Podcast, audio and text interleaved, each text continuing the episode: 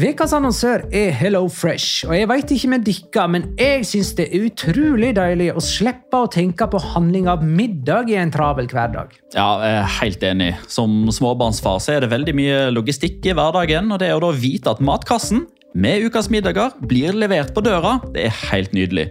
Da slipper du impulskjøp på butikken når blodsukkeret er lavt, og når du kommer hjem, kan du bare ta ut posen med dagens ingredienser fra kjøleskapet og sette i gang matlaginga. Ja, Du kan velge mellom 25 ulike retter hver uke. Og de har faktisk en egen kategori som heter Raskt og enkelt, med masse enkle og gode oppskrifter. Veldig greit å ikke måtte ty til takeaway hver gang det er hektisk på jobb. Jeg gleder meg spesielt til sterk chilikylling i min neste kasse. Jeg blir sulten bare av å tenke på det. Ja, Det er ikke feil med bacon og cheeseburger heller, da. Og det som også er bra, er at matkassen koster det samme hver uke, som gjør det enklere å holde matbudsjettet. Ja, og så blir det ikke matsvinn heller, fordi du får akkurat det du trenger til hver eneste rett. Hello Fresh kan absolutt anbefales, og bruker du koden vår, LIGALOCA, kan du få opptil 1779 kroner i rabatt på de fem første matkastene hvis du ikke har prøvd Hello Fresh tidligere. Du kan også prøve koden hvis du har avslutta abonnementet ditt for tolv måneder siden eller mer. Gå inn på hellofresh.no og bruk koden LIGALOCA. Bon appétit! Hallo? Jeg kommer fra Oslo politikammer. Ine Jansen er purk. Er du purk? The motherfucking bitch. Alt jeg vil, er å finne ut hva som skjedde med mannen min. Jon Carew. Er jeg sikta for noe? Iben Akeli. Det er du. Ole So, Lars Berrum og Big Daddy Karsten. Hvem sin side er du på, egentlig? Anette Hoff, Tone Danielsen, Kommer du fra Afrika? Jørnis Josef, Nesten. Kløfta. Trond Espen Seim. Det er synd å si det, men det var feil mann som døde. Purk. Premiere tirsdag på TV2 Play.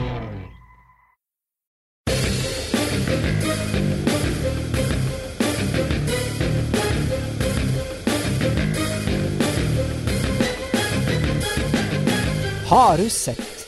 I dag skulle vi egentlig snakke om en heilbaskisk Copa del Rey-finale med en nordmann involvert, men slik ble det visst ikke. I stedet setter vi sammen tidenes Valencia-lag og leker oss litt med hatet mellom Barcelona og Real Madrid gjennom dagens quiz-tema Luis Figo. La liga loca. En litt gærnere fotball. Ja, ja, ja, ja, ja. Dette er La Liga Låka episode 112 av det helt ordinære slaget med Jonas Giæver i Spydeberg. Hei. Hei på deg. Eh, Eller i Oslo sentrum. Hei, Jonas. Hei, eh, Magnar fra Oslo sentrum. Uh, Og Petter Wæland, som heller ikke er i Spydeberg, men i Oslo sentrum, du òg. Hei. Hei! Og Magnar Kvalvik heter jeg, og jeg sitter som vanlig på Bjerke. Og dette her er jo for meg nå oppleves vanligere enn noen vanlige episoder vi noen gang har hatt. Jeg veit ikke hvordan det er med dere. Du sa jo det nå, da, at uh, som vanlig så sitter du i Bjerke når vi spiller inn Eller på Bjerke, på i på Bjerke uh, når du spiller inn uh, episoder, og det har jo blitt vanesaken, da. Å sitte hjemme og, og prate med dere på, på Skype. Vanligvis så har jeg dere på min venstre og min høyre hånd, eller eventuelt rett over bordet og til høyre. Nå har jeg dere begge to rett foran meg, sånne vinduer rett overfor hverandre, så jeg eh, det er jo, det er jo Så nå veit du hvor hen du skal se, jeg vet, i det minste. Jeg vet hva jeg skal se, og samtidig så er det jo veldig hyggelig å kunne ønske dere velkommen inn i mitt hjem, eh, for en gangs skyld. Så jeg ser på det heller som det at dere er alltid velkomne hjem til meg. Eh, hvorfor er du eh, i Akersgata i dag da, Petter? Nei, det må jo, må jo forsøke å jobbe litt, da. Sånn at eh, vi får hjulene til å gå rundt. Så i dag skal vi spille inn litt quiz. Quiz! Dere òg! Har dere begynt å herme etter La Liga Loca, er det sånn? Nei, vi begynte egentlig før, men vi dreit oss ut. Så derfor kom vi oss eh, Vi kom eh, oss i forkjøpet, hvis det går an å si. Eh, dere dreit dere ut. Nå ble det litt Forsøkte en eh, Kahoot live. Uh, det gikk ikke. Trenger ikke snakke mer om det. Å ja, det er quiz med publikum, da? Altså sånn seeres type quiz? Ja, det var det delta- da, men uh, basert på oh, ja. de erfaringene, så blir det noe annet denne gangen. Greit. Nei, men det er greit. Uh, i dagens episode skal vi snakke om tidenes Valencia-lag, i alle fall i moderne tid. Vi skal ha en Luis Figo-quiz. Det står 3-2 til Jonas i denne gigantiske quiz-duellen eh, mellom dere to. 3-2 etter fire runder. Petter har peila seg inn på at det blir elleve runder, så det er best av elleve, har jeg forstått. Eh, la oss nå se på det. Og så skal vi jo ta litt om uh, hva som er nytt siden sist. Så hva er nytt siden sist, da? Skal vi begynne med den som uh, liksom pleier å gi oss nyheter av oss tre, Petter? Ja, nei, så Det som er nytt nå, er jo at man omsider har fått noe annet eh, å se på i monitor enn eh, to ledere av henholdsvis La Liga og eh, det spanske fotballforbundet som gir hverandre fingeren. Nå har man jo faktisk klart å oppføre seg litt, at det har blitt en handshake i stedet.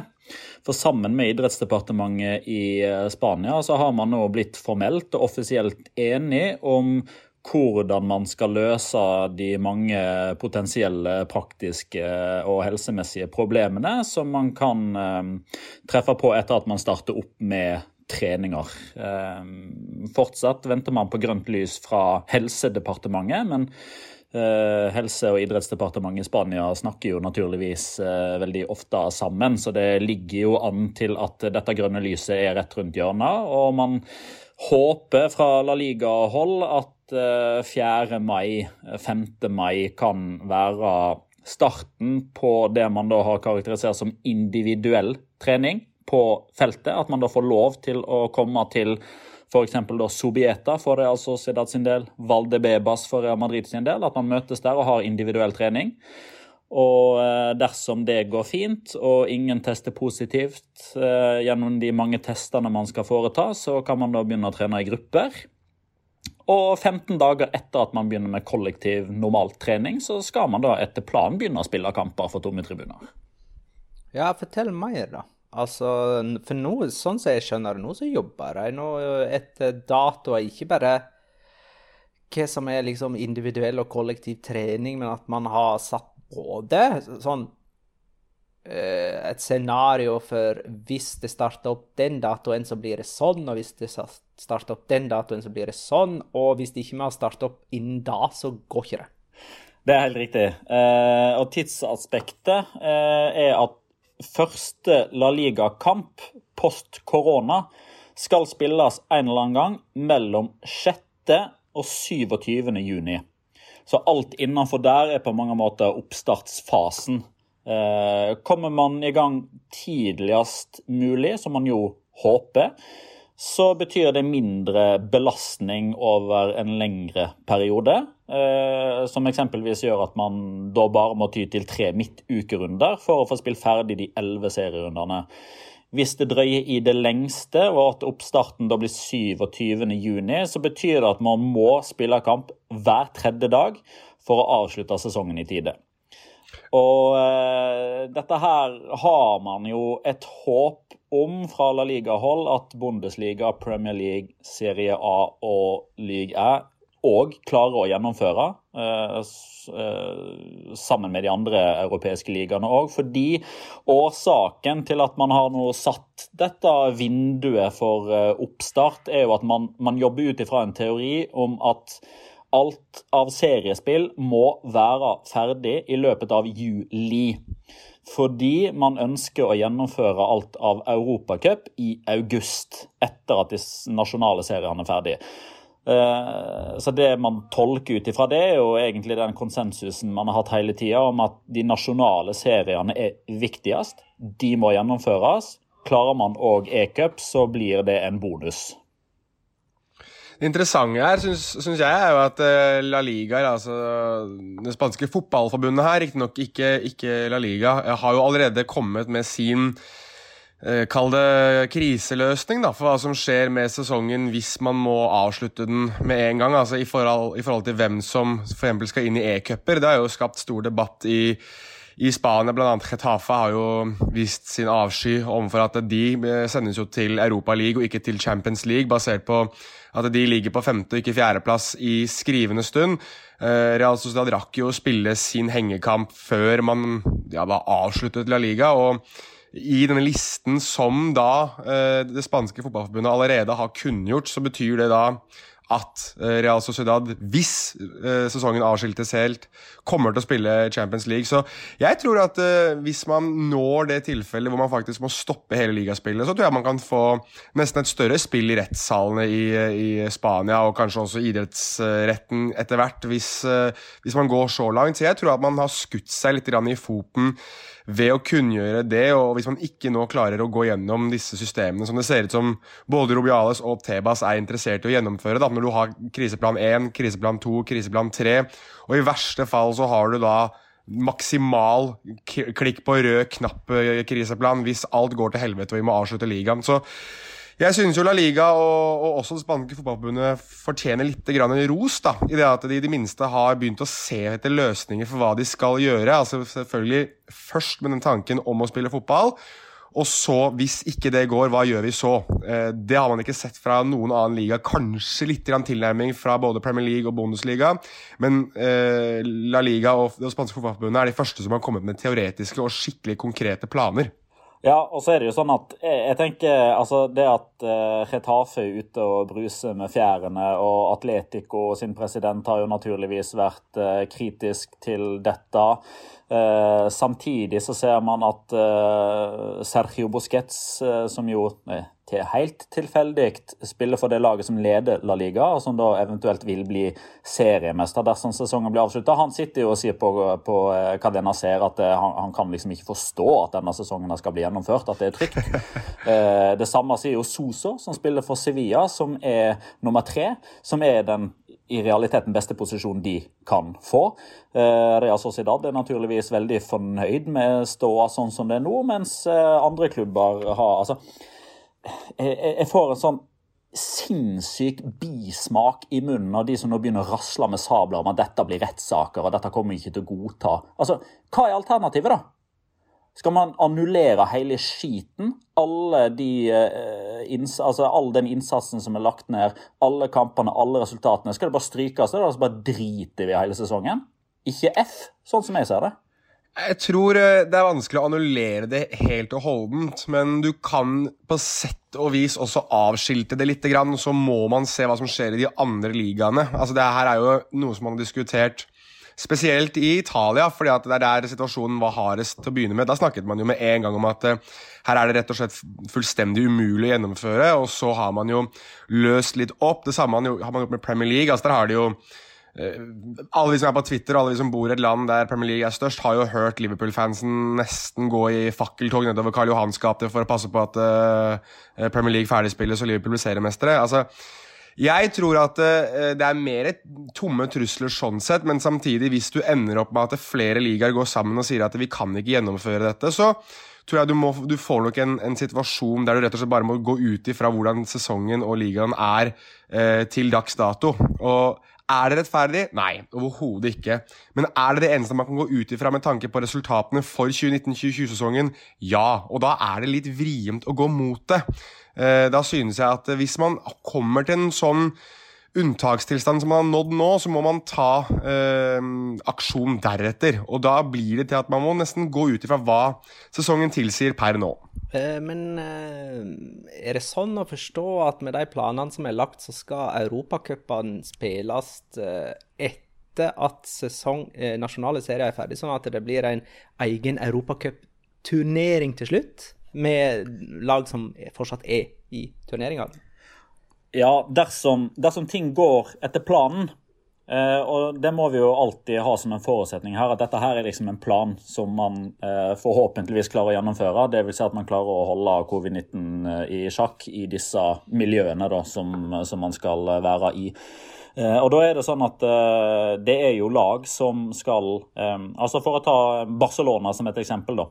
De skal spille elleve seriekamper, men de skal òg delta i Champions League. Eh, for at man skal kunne gjennomføre de elleve seriekampene, så har man per definisjon ikke tid nok til å gjøre de to tingene samtidig. Eh, så Derfor har man denne prioriterte rekkefølgen med én nasjonale ligaer er viktigst, og to får man tid, så gjennomfører man Champions League og Europa League i august. Og så vil man jo da se, når man nærmer seg, så vil man da sånn som jeg har oppfatta det, ta et, eh, et, standpunkt på om man gjennomfører det som normalt. Altså at man spiller returoppgjør i åttendelsfinalen, doble kvartfinaler, doble semifinaler og en finale. Eller om man tar enkeltkamper etter hvert. Det spørs hvor god tid man har. Man snakker jo også mye om at eh, som Petter sier her nå, at det skal være enkeltkamper, ikke dobbeltkamper. Og jeg tror at man til syvende og sist kommer til å ende på der man spiller enkeltoppgjør. Rett og slett fordi at det også eh, minsker smittefaren ganske drastisk. Altså dobbelt så lite smittefare hvis du stopper én kamp. I tillegg så tipper jeg at du kommer til å få en sånn form for final four. Jeg, jeg tror at du kommer til å ha noe sånn når du når semifinale, eller kanskje til og med kvartfinale med final eight. så eh, samler du de lagene i, rundt det samme området. Da. La oss nå si at Istanbul eh, er der, er der eh, finalen skal spilles, eller i hvert fall Champions League-finalen skal spilles. Der er det flere arenaer. Du kan bytte på hvor lagene spiller i de ulike arenaene, og så kan du ha da siste kampen som spilles på er det Turk Telekom Arena som skal være siste, eller er det Atatürk Stadium? Enten eller av de to. Altså Det er jo to gigantarenaer, bare de to, så der har du jo to arenaer du kan benytte av. Så jeg regner med at du får en situasjon der det kommer til å skje nesten uansett, fordi man må minske denne smittefaren mest mulig. Nå vet jeg ikke om Tyrkia er et av de landene som er veldig utsatt for dette, men jeg vil anta at uh, man ikke ønsker at uh, man skal ha publikum. Jeg tipper at disse kampene kommer til å gå uten publikum. Og jeg tipper at de kommer til å gå uh, innen en ukes tid, ja. hvis du nå er fall Final Four. At de kommer til å gjøre det kjappest mulig for å bli ferdig. Jeg tror, jeg tror at hvis man spør Eh, lederne i de ulike europeiske toppligaene nå, eh, og også i Uefa, så tror jeg rett og slett at man tenker at vi må bare bli ferdig. Altså, vi, nesten litt sånn halvveis, eh, virker det som innimellom også. Og det, det, er litt trist, men samtidig så er det også måten man rett og slett bare må gjennomføre dette på. At det er Publikum holdes ute, og ja, det finansielle tapet får være så, men jeg tror at man er mer bekymret for disse TV-avtalene mer enn noe annet enn, enn hvorvidt supportere ikke får lov til å være på kampene.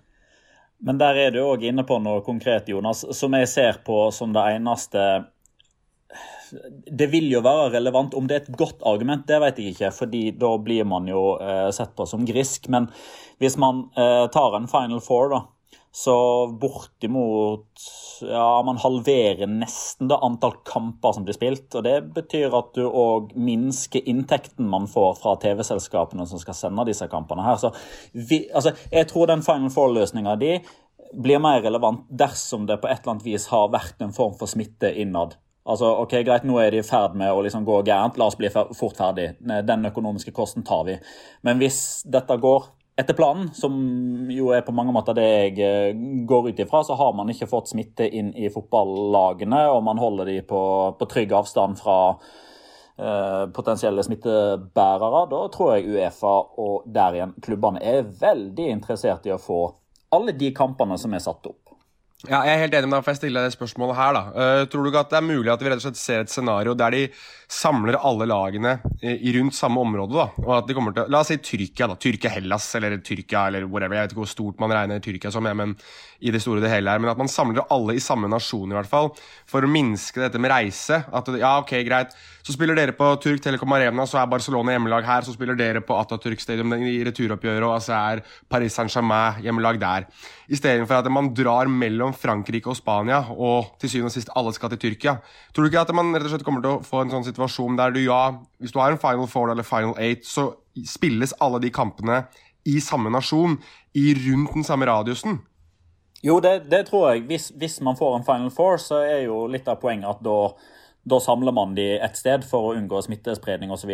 Det jeg tenker på er at Hvis man klarer å holde covid-19 under kontroll innenfor fotballen, eh, hvis man klarer å liksom se på det som en sånn egen arena, så tror jeg Uefa og klubbene så langt det lar seg gjøre, vil ha hjemmekamp, bortekamp, for å få så mange kamper som mulig, for å få så mye penger som mulig. Det er jo helt, ikke helt utenkelig da, at eh, vi eh, går mot en sommer med La Liga-runde hver tredje dag, etterfulgt av en intens turnering i eh, sluttspillsturnering i Europacupen. Og det er jo sånn som jeg kan leve med, i alle fall, og, og ser jo da litt lysere på livet, noe som jeg òg har kommet inn på eh, miniseriekjøret på Netflix og, og, HBO med nettopp Tiger King ferdigsett. Og The Loudest Voice som neste på lista. Jeg ser lysere på ting. Jeg, Jonas, har du lyst til å si noe? Ja, jeg må stille dere begge spørsmål, da. Eh, siden du sier at du ser lysere på ting. Men ser du like lyst på La Liga-runde hvis alle disse kampene skal gå uten publikum? Og at du skal ha en Copa del Rey-finale uten publikum? Er det like gøy, tror du, Magnar? Ja, for det at de spiller jo bare sånn publikumslyd over høyttaleranlegget, så det, det, blir jo så autentisk oh, fint at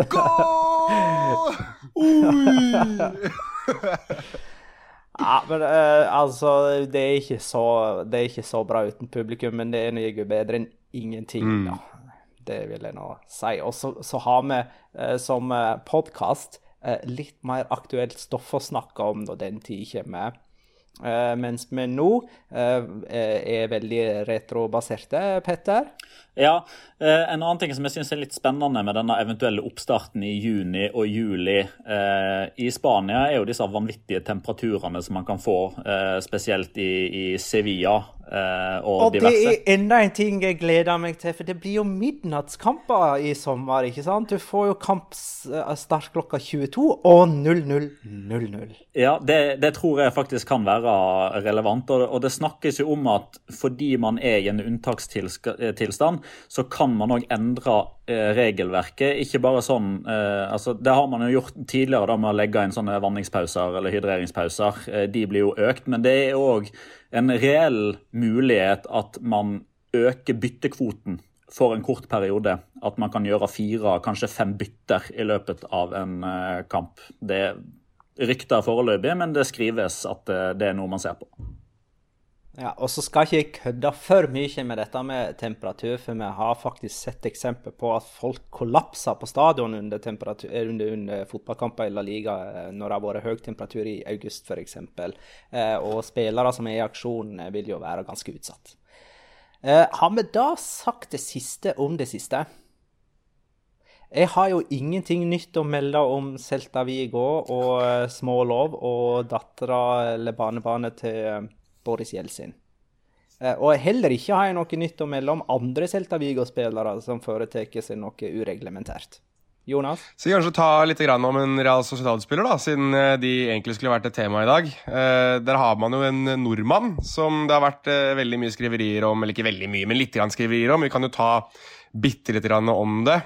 Fordi Noticias de Puscoa har jo skrevet at han visstnok skal ha sagt ifra til Real Madrid-ledelsen at han ønsker å bli værende en eh, sesong til. Det har jo vært mye ryktet fram og tilbake. og vi vet jo at han har allerede bekreftet at avtalen gjelder for én pluss én. Altså at han skulle signere låneavtale for ett år, og så skulle det automatisk gå over til ett år til. Da man ikke kan signere toårsavtaler i i Spania, men nå skrives det jo i lokalpressen at det, han skal ha sagt at han ikke vil at Real Madrid skal bryte denne klausulen som det har vært snakk om at de kan gjøre for å få han inn neste sesong. At han ønsker å bli en sesong til på Anoeta. Og det synes jeg er ganske Hvis det stemmer da, at han har gjort det, så er det ganske modent, syns jeg. Og egentlig ganske er lov til å si at det er litt kult? Han, hvis, hvis, for jeg tror han fint kunne ha spilt for Real Madrid allerede neste sesong, i hvert fall som en del av troppen.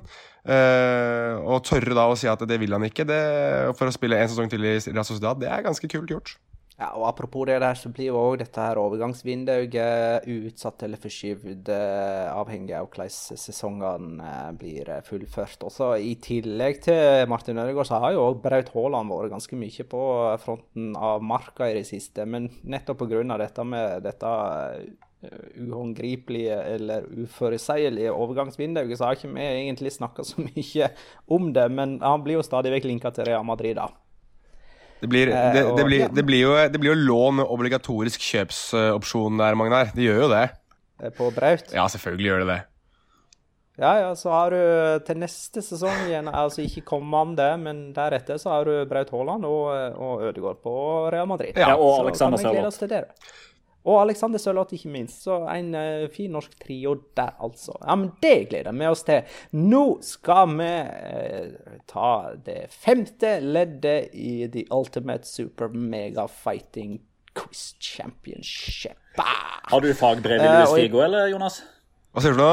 Har du fagbrev eller doktorgrad i Louis Figo? Uh, nei, Louis Figo er en av de jeg er litt uh, Da jeg hørte at det var han nå, så tenkte jeg å Faen, der er jeg ikke like god. så, jeg, tok, jeg, to, jeg, tok, en råsjanse på at etter Zidane så kom Pep. Så jeg har lest mye om Pep i dag, men ja. til ingen nytte. Ah, ok. Ja, nei, jeg... Pep, uh, Pep Guardiola. Ja. Ja, uh, han er på blokka uh, over kandidater vi skal quize om. jeg må jo lage en liste etter hvert. ja, det må du. Den kan jo bli ganske lang.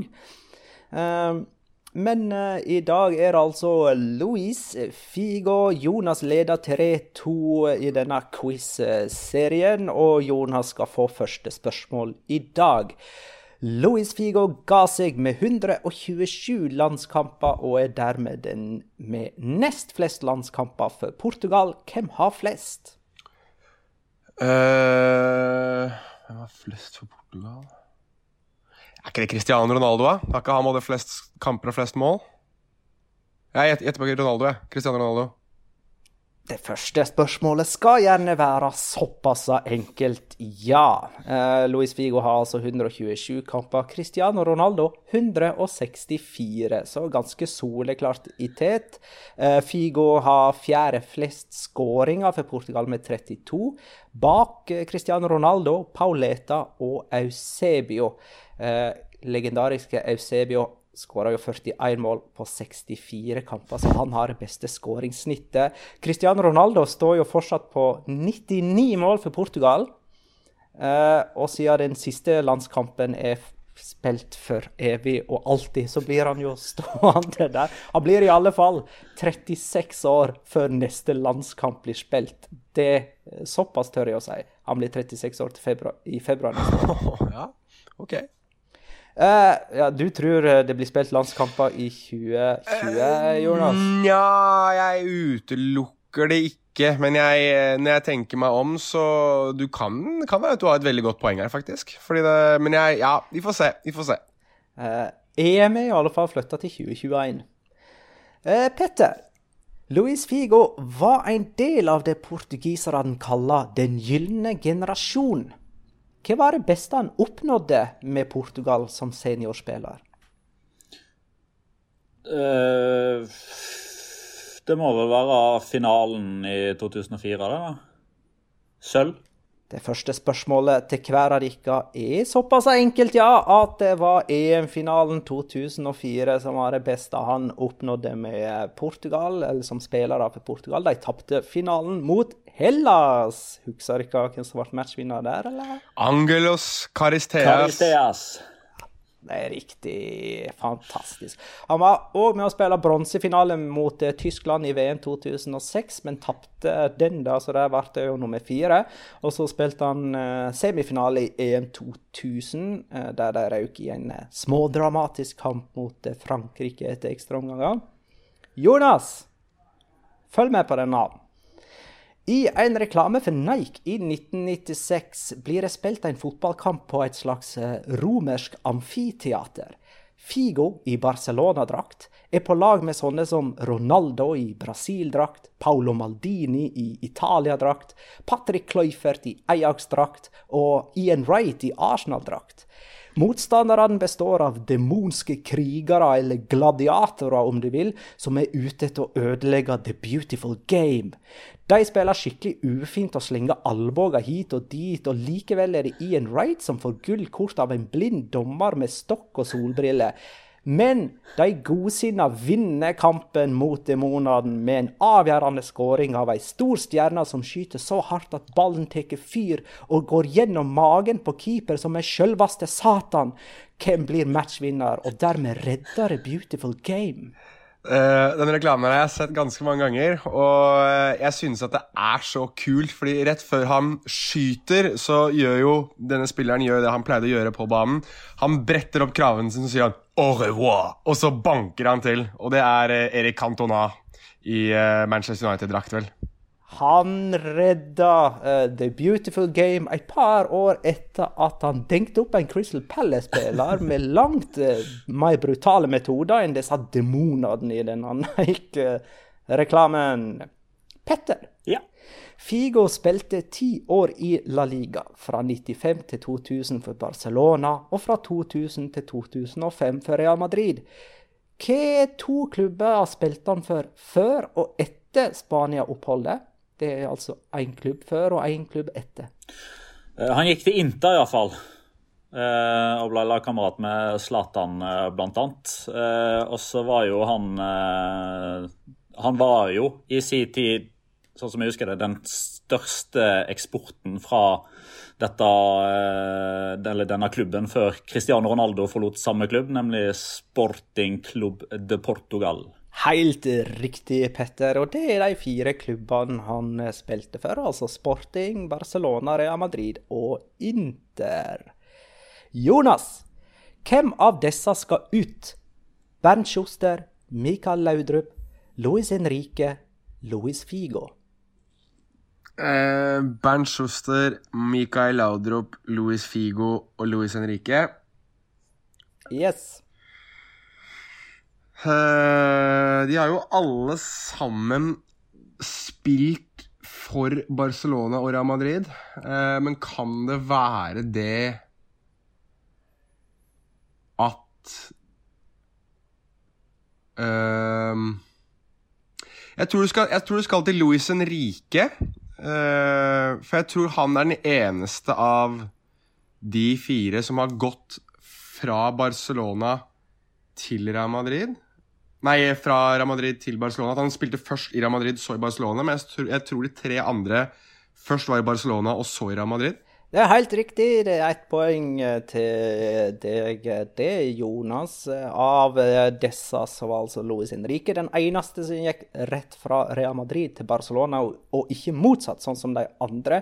Eh, det samme kunne vi ha sagt om Javier Saviola, som mm. vel er den siste direkte overgangen mellom disse to. I alle fall av en viss størrelsesorden. Det har vel vært noen sånne reservelagspillere som har hatt den typen overgang òg siden Uh, siste spørsmål i denne runden. Det er vel egentlig ikke ei, uh, et spørsmål, det er litt det samme uh, for Petter. Du skal nevne nestemann i denne rekka. De Nilsson, Christian Vieri, Hernan Crespo, Luis Figo. Hm. Kommer de fire en gang til? De Nilsson, Christian Vieri, Hernan Crespo, Luis Figo. Oi. Uh, den her tror jeg ikke jeg tar. Um, Christian Vieri Og så var det Hvem heter Vieri? Crespo? Ja. Ja. Og så ja, Vent litt, nå er vi inne på overganger. Nå dyreste overganger.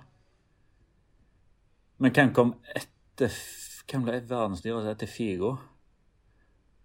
Uh, vi skal vel ikke helt til Cristiano Ronaldo da? Det må ha vært en imellom der. Kaka, men det spurte du om sist. You sure? Det er en imellom der, da. Med mindre jeg er ute og sykler. Uh, etter Crespo Navieri, Crespo, Figo Jeg tror det er en mellom der, men jeg svarer Kaka. Ja, det er altså han det handla om sist, eh, Jonas. ikke det? Zinedine Zidane. Ja, for spørsmålet sist var jo hvem som var tidenes dyreste spiller etter Zidane, og det var Kaka. Ja, det var, det han, ja, det var han jeg ikke kom på. Så, ja. Eh, men da står det 3-2 til Jonas i dagens quiz etter at begge har fått eh, tre spørsmål. Eh, og da skal dere få lov til å sette sammen, eller presentere det laget dere allerede har satt sammen eh, som forberedelse til denne episoden, nemlig tidenes Valencia-lag fra 1992. Var det da du ble født? Jonas? Det var det, vet du. Uh, og det er jo ja, det er sikkert noen som vil hevde at det er det, var, det er jo derfor det var da den moderne fotballen starta, selvfølgelig. Jeg nevnte ikke det sist. Jeg nevnte sånne ting som tilbake tilbakespillsregel og Champions League, men uh, fødselsåret til en fersk lottomillionær var vel faktisk heller det som gjaldt den gangen. Ja, skal vi begynne med keeper, da? Det kan vi gjøre. Eh, og jeg sa jo sist gang at vi skulle snakke om spillere som hadde mistet flasker eventuelt på seg. og Eh, Santiago Canizares har jo eh, potensielt den merkeligste eh, skaden som har holdt han ute av et mesterskap, i hvert fall. For han Eh, historien i hvert fall går at han mistet en ganske stor eh, og luksuriøs sjampoflaske på eh, foten sin før VM i 2002, vel. Og knakk da noen små ben i den ene foten sin og måtte stå over eh, VM. Det var vel da Iker Casillas spilte sitt første VM og tok vel egentlig den plassen permanent, nesten, vel. Hvis ikke kan... Jeg tror det var ei parfymeflaske. Parfymeflaske er det, stemmer det. Og jeg syns det gjør det litt mer sånn dandy. Uh, ja. og, og, mer unødvendig, på en måte. Men Canizares uansett uh, en Altså, man husker han kanskje for, for det blonde håret og for de uh, utrolig Altså, han hadde sånne karismatiske øyne. Altså, du, hvis du så han i mål, så liksom han hadde de der øynene som du så hele tiden. Men så var han en gigant da i mål. Han gikk, gikk med en drakt som var for stor for han, og han var jo eh, en bauta i seg selv. og glemmes lite grann, litt sånn som dette Valencia-laget på 2000-tallet gjør, fordi de tapte to Champions League-finaler, og eh, ingen av de spillerne i det laget egentlig gikk noe sånn spesielt mye lengre i det å uh, Hva skal jeg si for noe? Uh, utheve seg hos andre lag. Så, så de var, uh, det var et lag som levde og døde litt med, med Valencia, men Santiago Canizares er i hvert fall etter mitt syn den største keeperen i, i min Valencia-historie. Og så kan man sikkert nevne typer som Diego Alves hvis man har lyst til å komme med andre navn. Uh, litt mindre kjente navn, men som er morsomme å dra fram. Timo Hildebrand. Uh, han er kanskje som man fort kan glemme, uh, og med god grunn. Uh, Cæsar er vel enda en som man ikke trenger å snakke så altfor mye om. men Sadiago Canizares kan vi snakke om til den dagen jeg ikke lenger er her. Men jeg har jo en mistanke om at dette Valencia-laget her kommer til å bære preg av perioden sånn ca. 2000 til 2004, da de spilte to strake Champions League-finaler i 0-0 og 0-1. Det var vel én uh, imellom, var det ikke det? Nei, det var kanskje ikke Nei, det var det ikke. det var det ikke, Min feil. Jeg mener de tapte mot Bayern München uh, i 2001 og eh, Real Madrid i 2000. Ja. Og så vant de vel Uefa-cupen i 2004 og serien i 2002 og 2004. Så dette er gode. Dette dette er gode år. Så da er det vel ingen tvil om at det er en eller annen sjølsagt høyre bekk å plukke her. Nei, det er et av eh, Altså, jo mer jeg tenker over det, jo mer overraska blir jeg over at en så gjev, stor tradisjonsrik klubb som Valencia, som i en av verdens beste ligaer de siste 20-25 årene liksom alltid har vært der. De har alltid representert Spania i Europa, men de har jo pine fette meg ikke hatt en god høyreback. Ingen! De har ikke hatt en eneste god høyreback. Ingen! Nei, det er ingen som uh, Altså, de hadde jo i sin tid Joa Cancelo, men han bare ble ikke spesielt god i Valencia. Altså, han var mer frustrerende enn noe annet, og så ble han kjempegod i Inter og, og senere også med, med, Juventus og nå i Manchester City. Så vi vurderte jo strengt tatt Daniel Wass, da. Altså, vi var såpass på det at vi tenkte at han har jo vunnet en Copa del Rey-finale som, um, som høyreback, og vi, Magnar var også inne på Angulo, som vel spilte i alle posisjoner som man kunne spille på banen, og spilte vel hvis ikke jeg husker helt feil, så han må ha spilt noen kamper på topp sammen med Jon Carew, blant annet også. Um, men altså Han var der. Ikke, han gjorde ikke så veldig mye, Corro Torres, men han var der. Og han var der i den mest suksessfulle perioden. Så det er liksom nesten litt sånn på, på, ja, på nåde da, at Corro Torres får den plassen, for det er Altså, hva er alternativet? Jocelyn Angloma? Nei, det skjer ikke. Og Miguel ja, Da må dere mest sannsynlig ta livet av meg før dere får han inn. Det som er litt morsomt, da, er jo at eh, altså, Coro Torres eh, han, han, altså, Vi, vi behandla han naturligvis med respekt. Han var, han var, god, han fikk jo landskamper, han var i masse spanske landslagstropper. Eh, men han ble jo i sin tid òg gjort ære på i Valencia for lang og tro tjeneste på en ganske fin måte. fordi det var jo litt pga. skadeproblemer. Eh, det var òg fordi han begynte å dra litt på årene, og fordi, som du nevner, Magnar, Miguel eh, Brito, den stordamprøykende høyrebekken, hadde jo da gått forbi han. Men i siste serierunde i 2008-2009, som nå ble den siste sesongen til Coro Torres i, i Valencia. Eh, fram til den aller siste serierunden så hadde Coro Torres kun spilt to kamper. Eh, det var i Uefa-cupen eh, i sin tid. Men eh, på overtid, i den siste kampen på Mestalla mot Atletic Klubb, så kommer Coro Torres inn på overtid, rett etter at eh, David Villa da vel har skåra sitt aller siste mål for klubben. Da blir eh, Miguel bytta ut, Coro Torres inn til trampeklapp. Så han har en han har ei OK stjerne i Valencia, han har det. Men jeg kommer ikke helt bort ifra den tanken der at Hæ? Coro Torres? Virkelig? Mm. Midtstoppere? Ja, Vi kan ta begge to sammen. Og um, det er jo litt fordi at jeg tror Hvis du spør nesten hvilken som helst Valencia-supporter hvilket midtstopperpar som hadde gitt, gitt, dem eh, mest benneren, så hadde de endt opp med Roberto Ayala og Nicolas Otamendi sammen.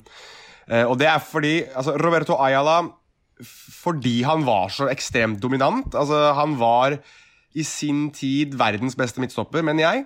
I sin tid, eh, da han virkelig, virkelig var god. Og så var han Hvor høy var han? 1,75 eller noe? Han var ikke veldig høy, men han dominerte i luftrommet. Eh, Raton, som han ble kalt. Altså Musa. Og Nicolas Otamendi, som han har blitt som en sånn slags uh, ja, hva skal jeg kalle det for noe svarteper i Manchester City. Men da han var god i Valencia, da var han El Comandante. Altså. Da var han rett og slett uh, La Ligas beste midtstopper og var jaget av de fleste klubber på kontinentet. Altså Manchester United, Manchester City, Real Madrid var alle koblet til ham. Um, voldsomt god i uh, Nuno Spirito Santos Valencia. så selv om du kunne ha tatt Raúl Albiol, selv om du kunne tatt Carlos Marchena, eh, og de hadde vært like gode, kanskje til og med nesten fortjener litt mer enn Otamendi også, bakgrunn av lang og tro tjeneste, så kommer jeg ikke unna Og også Mauricio Pellegrino for øvrig òg, men jeg må ha Otamendi og Ayala sammen. Rett og slett for det er den eneste måten jeg kan få dem til å spille sammen, er å putte dem på mitt drømmelag. Ayala og hans landsmann Demikelis, eh, som ikke har spilt for Valencia, men eh, begge har landskamper for Argentina, har jo begge gjort eh, noe i spansk fotball som egentlig savner litt sånn sidestykke, nemlig å signere Bossmann gratis for andre klubber som nesten er å regne som erkerivaler i begge tilfellene, for så å bli solgt videre bare et par dager etterpå. Eh, Roberto Ayala signerte jo som bossmann for Villarreal eh, og ble solgt et par uker etterpå til Saragossa for 6 millioner euro. Mens for uh, De Micheli sin del så var det vel da Malaga, Atletico og City, var det vel? Så en liten kuriosa rundt Ayala. Venstre back. Der snakker vi sideforskyvning. Altså her er det, her er det slagsida på dette Valencia-skipet. Altså, altså, Der man ikke har kandidater på høyrebekken, så flommer det jo nesten over på venstrebekken. Vi har jo snakka om det gjentatte ganger i uh, La Liga Loca, med denne fantastiske evnen Valencia har til å bare spy ut venstrebekk etter venstrebekk. Uh, og her det kommer jo litt an da, Jonas, på om man skal ta toppnivået i Valencia, eh, toppnivået generelt, hva de betyr for klubben, eh, hva slags periode de var der i. Eh, altså Man kan eh, snakke Joan Bernat, man kan snakke José Luis Gaya, man kan snakke Jordi Alba, og alle tre er vel egentlig kjempegode alternativer, men vi falt vel ned på Alba, gjorde vi ikke? Vi falt ned på Alba, og du kunne også hatt Amadeo Carboni òg, eh, som jeg tror ganske mange Valencia-supportere i hvert fall har en sånn slags eh, godfølelse rundt. da. Og en av få italienere som virkelig gjorde det bra i La Liga også, og som var en viktig del av Valencia sitt lag i en årrekke. Eh, ble sliten etter hvert, han også, dessverre, men, men eh, Jordi Alba var helt voldsomt god i Valencia i en periode. Og la jo grunnlaget for det som da ble Bernat og Gaia eh, etterpå. og Man trodde jo også at man hadde nå husker jeg faktisk ikke navnet hans engang. Han sistemann som er tilbake igjen nå. Uh, oh, som var på lån i PSV. Kan noen hjelpe meg? Ingen som de kommer sikkert til å ha masse Valencia-supportere som sender meg melding. Jo, jo, Tony Lato. Tony Lato, selvfølgelig. Han var jo også den som skulle være nestemann på den lista. og gikk ikke helt, eh, eller Har ikke gått hele veien for han riktig ennå. Så får man kanskje se om han, han, klarer å holde den tradisjonen ved like. Men uh, Jordi Alba uh, får den posisjonen i det laget her. Da eh, ser jeg for meg tre på midtbanen. Jeg har lært meg eh, formasjonen deres. Jeg tror det er 4-3-3 det går i. Ja, vi gjør det med mindre det er noe helt uh, spesielle unntakstilfeller, sånn som med Sevilla f.eks. Men dypt på midtbanen for, uh, for, Valencia så er det David Albelda som skal styre og stelle. Og Jeg mener at uh, Albelda spilte i en posisjon som ikke var spesielt hipp å spille da han spilte ved den. Altså den der balanseholderen på midten, uh, den som f.eks. Sergio Busquets hylles så mye for å spille nå, den spilte Albelda i ganske mange år før han gjorde det. Og det ble ikke nevnt nok, litt fordi at tidvis så var det spilte han med en toer, uh, eller en én litt foran seg og en enda mer foran seg igjen, som gjorde at han forsvant litt i mengden. Men han gjorde en jobb som var helt uvurderlig i en årrekke for Valencia. Og ekstremt eh, lojal til klubb og det som var. Så eh, David Albella for meg som, som defensiv midtbanespiller gjør jo det at vi kan spille også litt mer offensivt, så man får se eh, av de resterende på det laget her. Men Albella definitivt inn i, inn i det laget her. Så er jo han, han, som sto ved hans side nesten hele tida, må jo nesten eh, altså du, du, kan liksom ikke tenke på Albelda uten å tenke på Baraja, og du kan nesten ikke tenke på Baraja uten å tenke på eh, Albelda.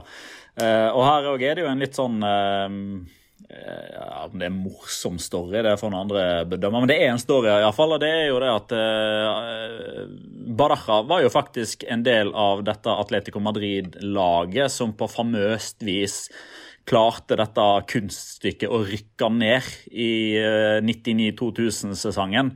Eh, med eh, Joan Capdevila, med Molina i mål, med Santiago Solari, Valeron, Jimmy Floyd Hasselbank, Kiko.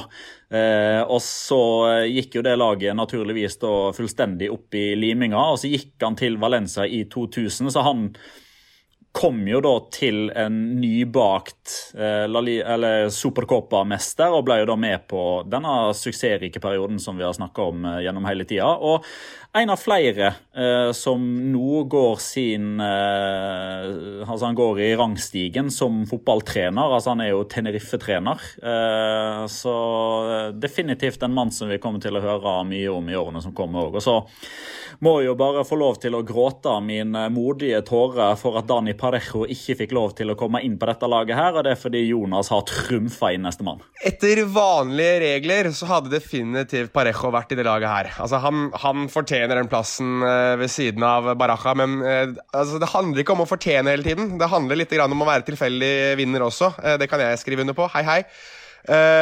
og Gaiska Mendieta for meg var sammen med Jon Carew grunnlaget aleine for at jeg ble Valencia-supporter på 2000-tallet. Og det var noe så enkelt som altså, eh, kroppsfinter og pasninger og det håret han som flagret fra side til side. Altså, det var noe som blendet meg som, som barn, som jeg syntes var fantastisk gøy. Og så ble han alltid nevnt av kommentatoren, som regel Roar Stokke, som en fantastisk elegant midtbanespiller. At han var så fantastisk å se på, og da fulgte man ekstra med på, på Gaisca Mendieta.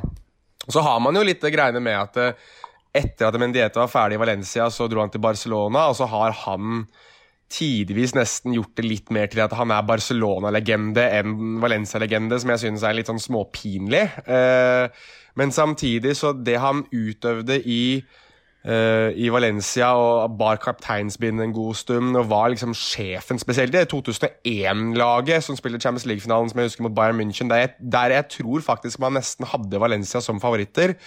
Det var uh, Nei, det var helt enestående å se på. Han spilte jo da Eh, i tospann, eller altså kall det trespann, nesten, si, med, med Baraja og, og Kili Gonzales, som var eh, kanskje en, en, annen man burde i hvert fall vurdert hvis man skal tenke det beste laget. Eh, men, men Gaisca Mendieta må inn i det laget her, selv om han har pisset på sin egen legacy i Valencia i all tid etterpå. Barcelona, Lazio og Middlesbrough-legenden Gaisca Mendieta blir valgt foran Retafe og Queens Park Rangers-legenden Dani Parejo. Det er greit.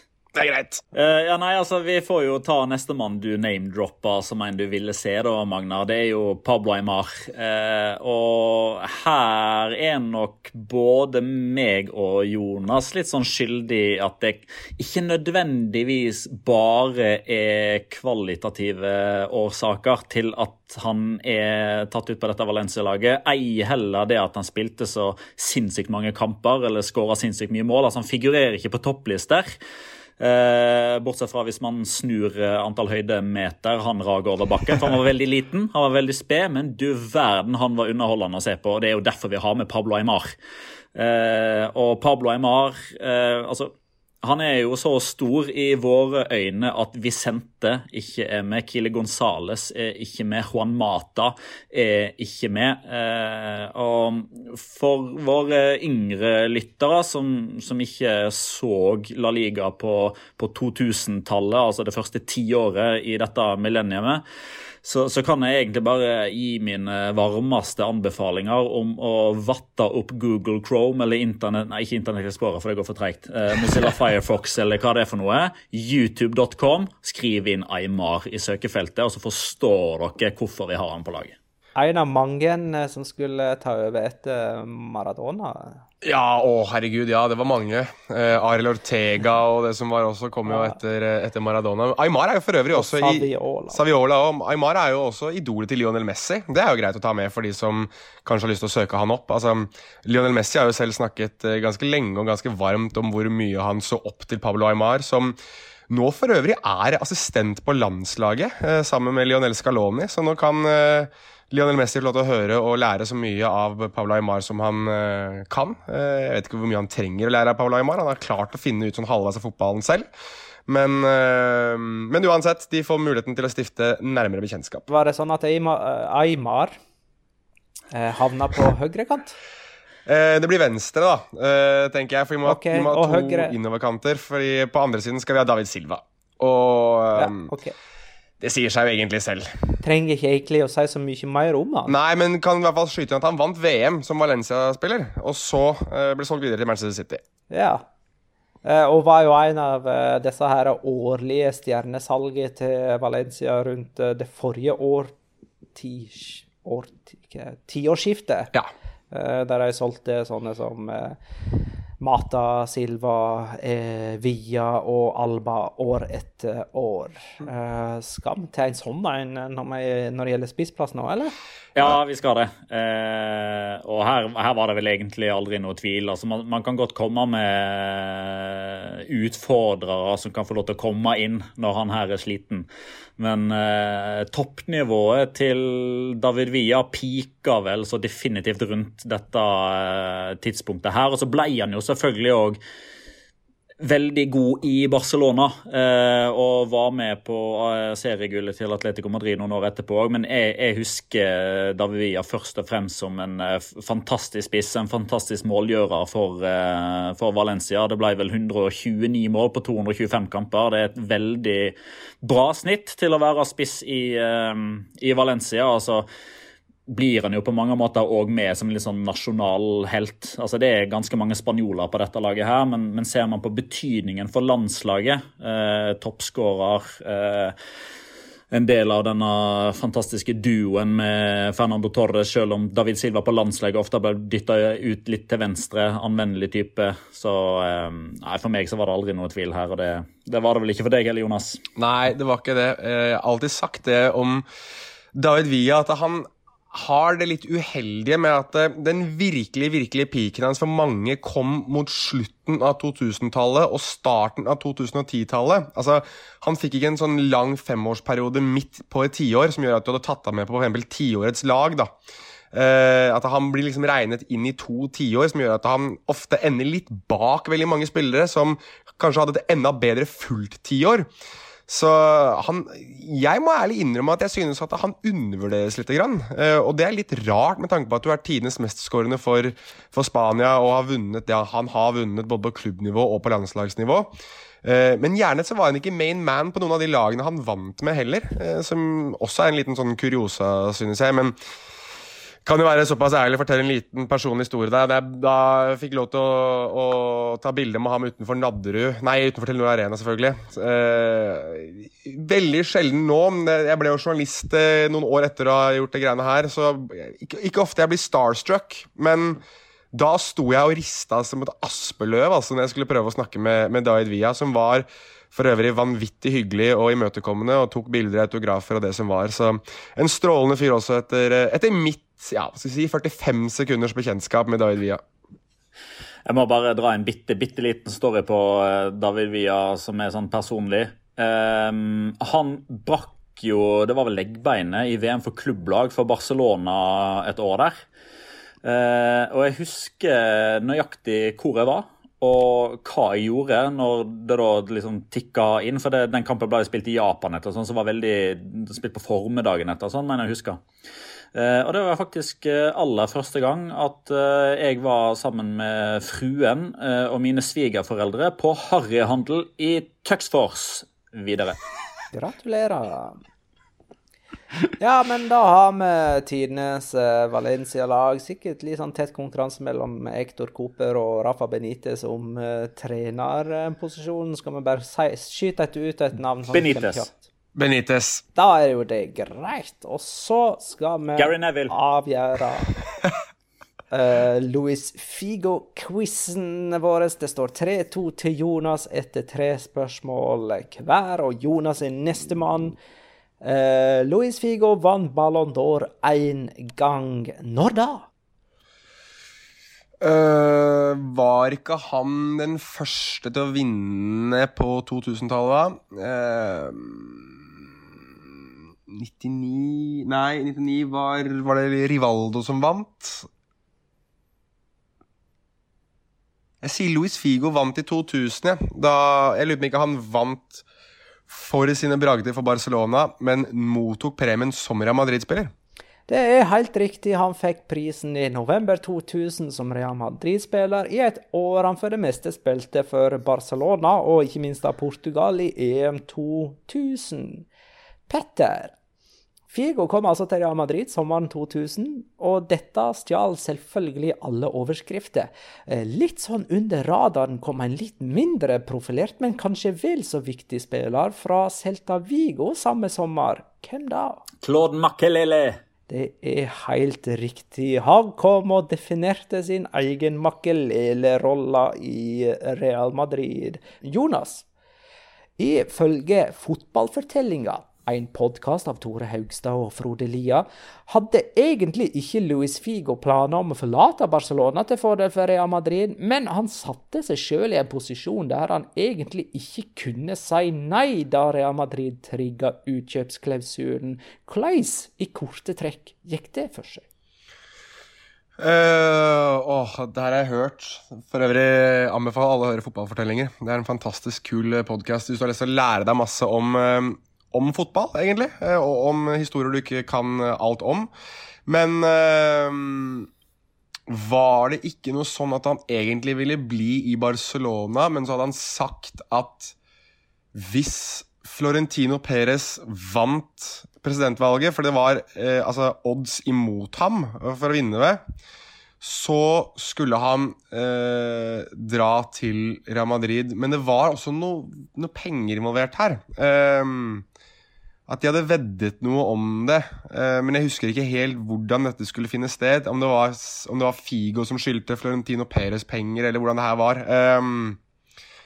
Det var noe, penge, det var noe pengegreier inni der, men jeg, bare, men jeg, husker at han hadde i hvert fall sagt at hvis du vinner valget, så skal jeg komme til Real Madrid. Det er vel i det korte trekk. Jeg, jeg, jeg tror ikke jeg gir deg poeng, Jonas. Uh, selv om du er veldig inne på det. Greia er jo at det er Florentino Perez som er initiativtakeren til hele greia. Og uh, som du sier, så er det valgkamp i Real Madrid sommeren 2000. Men i valgkampen til Florentino Perez i forkant av sommeren, så går han til Luis Figo og sier Hei, Figo.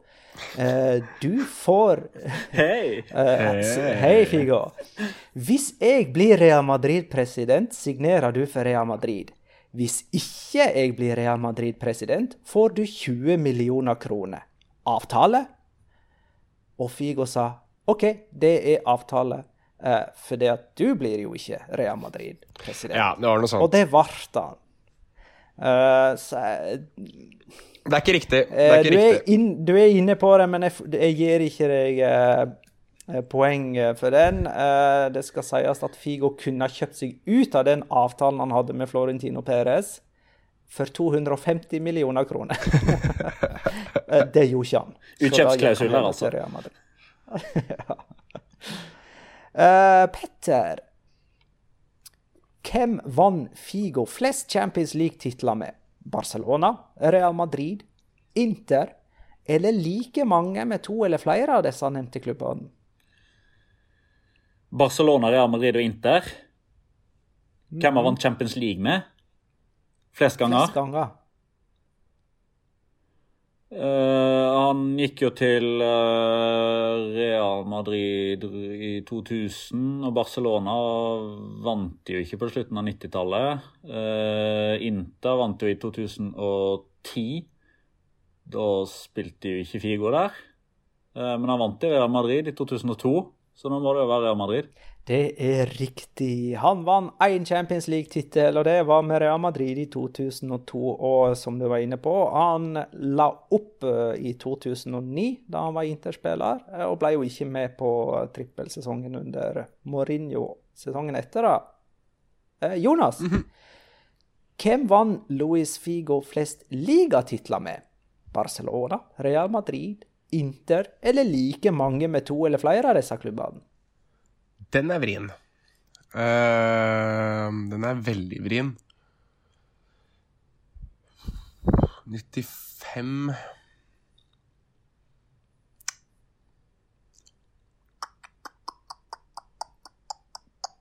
For han drar fra Real Madrid i 2005. Mm.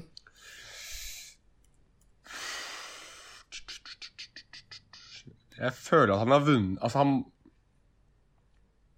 fordi han, ok, Så du sier han legger opp øh, sesongen før Mourinho kommer, altså Mourinho kommer i 2008-2009, så han legger da opp i 2008, altså etter 07-08. Jeg må resonnere, bare så jeg har alle årstallene i hodet her. bare tenk. Nei, han, han, la opp i 2009. Han la opp i 2009, ja. Ok, Da, da hadde Mourinho vært trener der ett år. Mourinho var vel trener der um, Men året etter så vant de jo trippelen, ja. Mm. Uh, han vinner i hvert fall da seriegull med Mourinho det første året, og så lurer jeg på om ikke han får Hvis han er med og vinner uh, Altså Han får jo seriegullet for 2005-2006, fordi grunnet Calcio Poli så taper jo Juventus det seriegullet, og de må gi det til Inter. Så hvis du regner med det seriegullet til Inter, så vinner de jo vel enda et seriegull etter det nå. Så jeg tror han vant flest med Inter av alle. Det er helt riktig, Jonas. Uh, han vant fire ligatitler med Inter, om man tar med tittelen som de ble tildelt i 05-06. Han vant jo uh, ganske mange på rad. Fire på rad, da, kan ja. han egentlig si. Uh, han vant med Barcelona i 98-99, og med Real Madrid to ganger. Ble det 0-3 og 05, ja, det kan, kan, det stemme. Det kan stemme det. Han vant to ganger med Real Madrid, så like mange ganger med Real Madrid og Barcelona. Skal vi se Jeg tror vi er på siste spørsmålet nå. Petter. I fi... Og, og vet du hva, Petter? Eh, Tar du denne nå, så har du vunnet dagens eh, supermega-quiz og hva? vil utligne til 3-3. Hva skjer ved uavgjort, da? Har du en tiebreaker, da? Da ble det jo første gangen. Da får ikke et poeng. Uh, det for, der får dere poeng hver. Okay, ja. Sånn som det ble i den aller første vi hadde, med Ronaldinho. Ja, stemmer, stemmer, stemmer.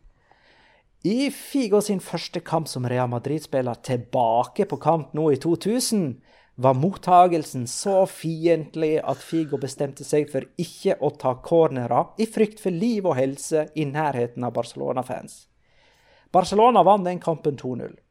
I den andre kampen hans som Real Madrid-spiller tilbake på kamp nå, i 2002, tok han cornerer og innkast og hele pakka. Og denne kampen er mer kjent for alle gjenstandene som ble kasta mot han, deriblant et grisehode, enn for resultatet. Derfor spør jeg meg selvsagt, hva ble resultatet i grisehovekampen? Ja, men det er det jo ingen som husker. Uh, er, det, det, er slemt spørsmål, nesten. ass. Jeg syns det er et veldig Nei, uh, det veit jeg rett og slett ikke. Uh, men det var på kamp nå, og han spilte for Real Madrid. Uh, ja, veit du hva, Peter, du taper jo hvis ikke du klarer dette. Så du, du er nødt til å klare det. Sånn er det. For de kan ha én feil hver, ikke sant? så du, du, du må jo utligne det Noe. Sånn er det. No pressure, kid? uh, nei um, Jeg vet ikke. jeg vet ikke. Uh, det, det, blir jo et uh, rent Et rent gjett, dette her. 1-1. Ja, det er fryktelig nære, men uh, grunnen til at man ikke husker noe annet enn et krisehode Det var den siste 0-0-kampen! Faen! Når du sier det. Det ble 0-0. Selvfølgelig. Det skjedde jo ingenting annet enn at folk kasta gjenstander på Luis Figo. Eh, det skjedde for øvrig det at kampen ble stoppa i 20 minutter, for man måtte jo rydde rundt cornerflagget noen ganger. Veit du hva da, Jonas? De er oppe i 4-2 sammenlagt. Er ikke det deilig? Du, det er eh, nesten som å vinne i Lotto, det. Dette er større. Dette er større. Hvis du blir best av elleve i denne super-mega-duper-quizen, så er det større. Nei, men da har ikke jeg mer å si. Og, og lytterne har ikke mer å høre. Jonas, har du lyst til å si noe? Ja, eh, for de som ikke har fått det med seg. Eh, det er sikkert noen som ikke har sett det ennå, men eh, vi har jo da fått den der triste meldingen om at det som skulle vært vår live-podcast på det gamle biblioteket, er avlyst. Så de som har bestilt billetter, skal ha fått i hvert fall ifølge de meldingene vi har fått, en mail om hvordan de kan få refundert eh, billettene sine. Og så håper vi at vi får satt opp et nytt liveshow når ja, denne krisen er over. Takk for at du kjøpte billett, og forhåpentligvis får du igjen alle pengene dine og mer til. Eh, takk for at du lytta, kjære lytter. Ha det, da.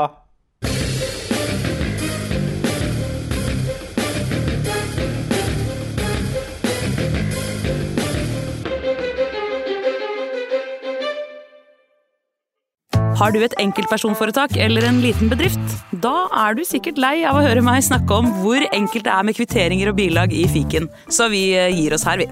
Fordi vi liker enkelt. Fiken superenkelt regnskap.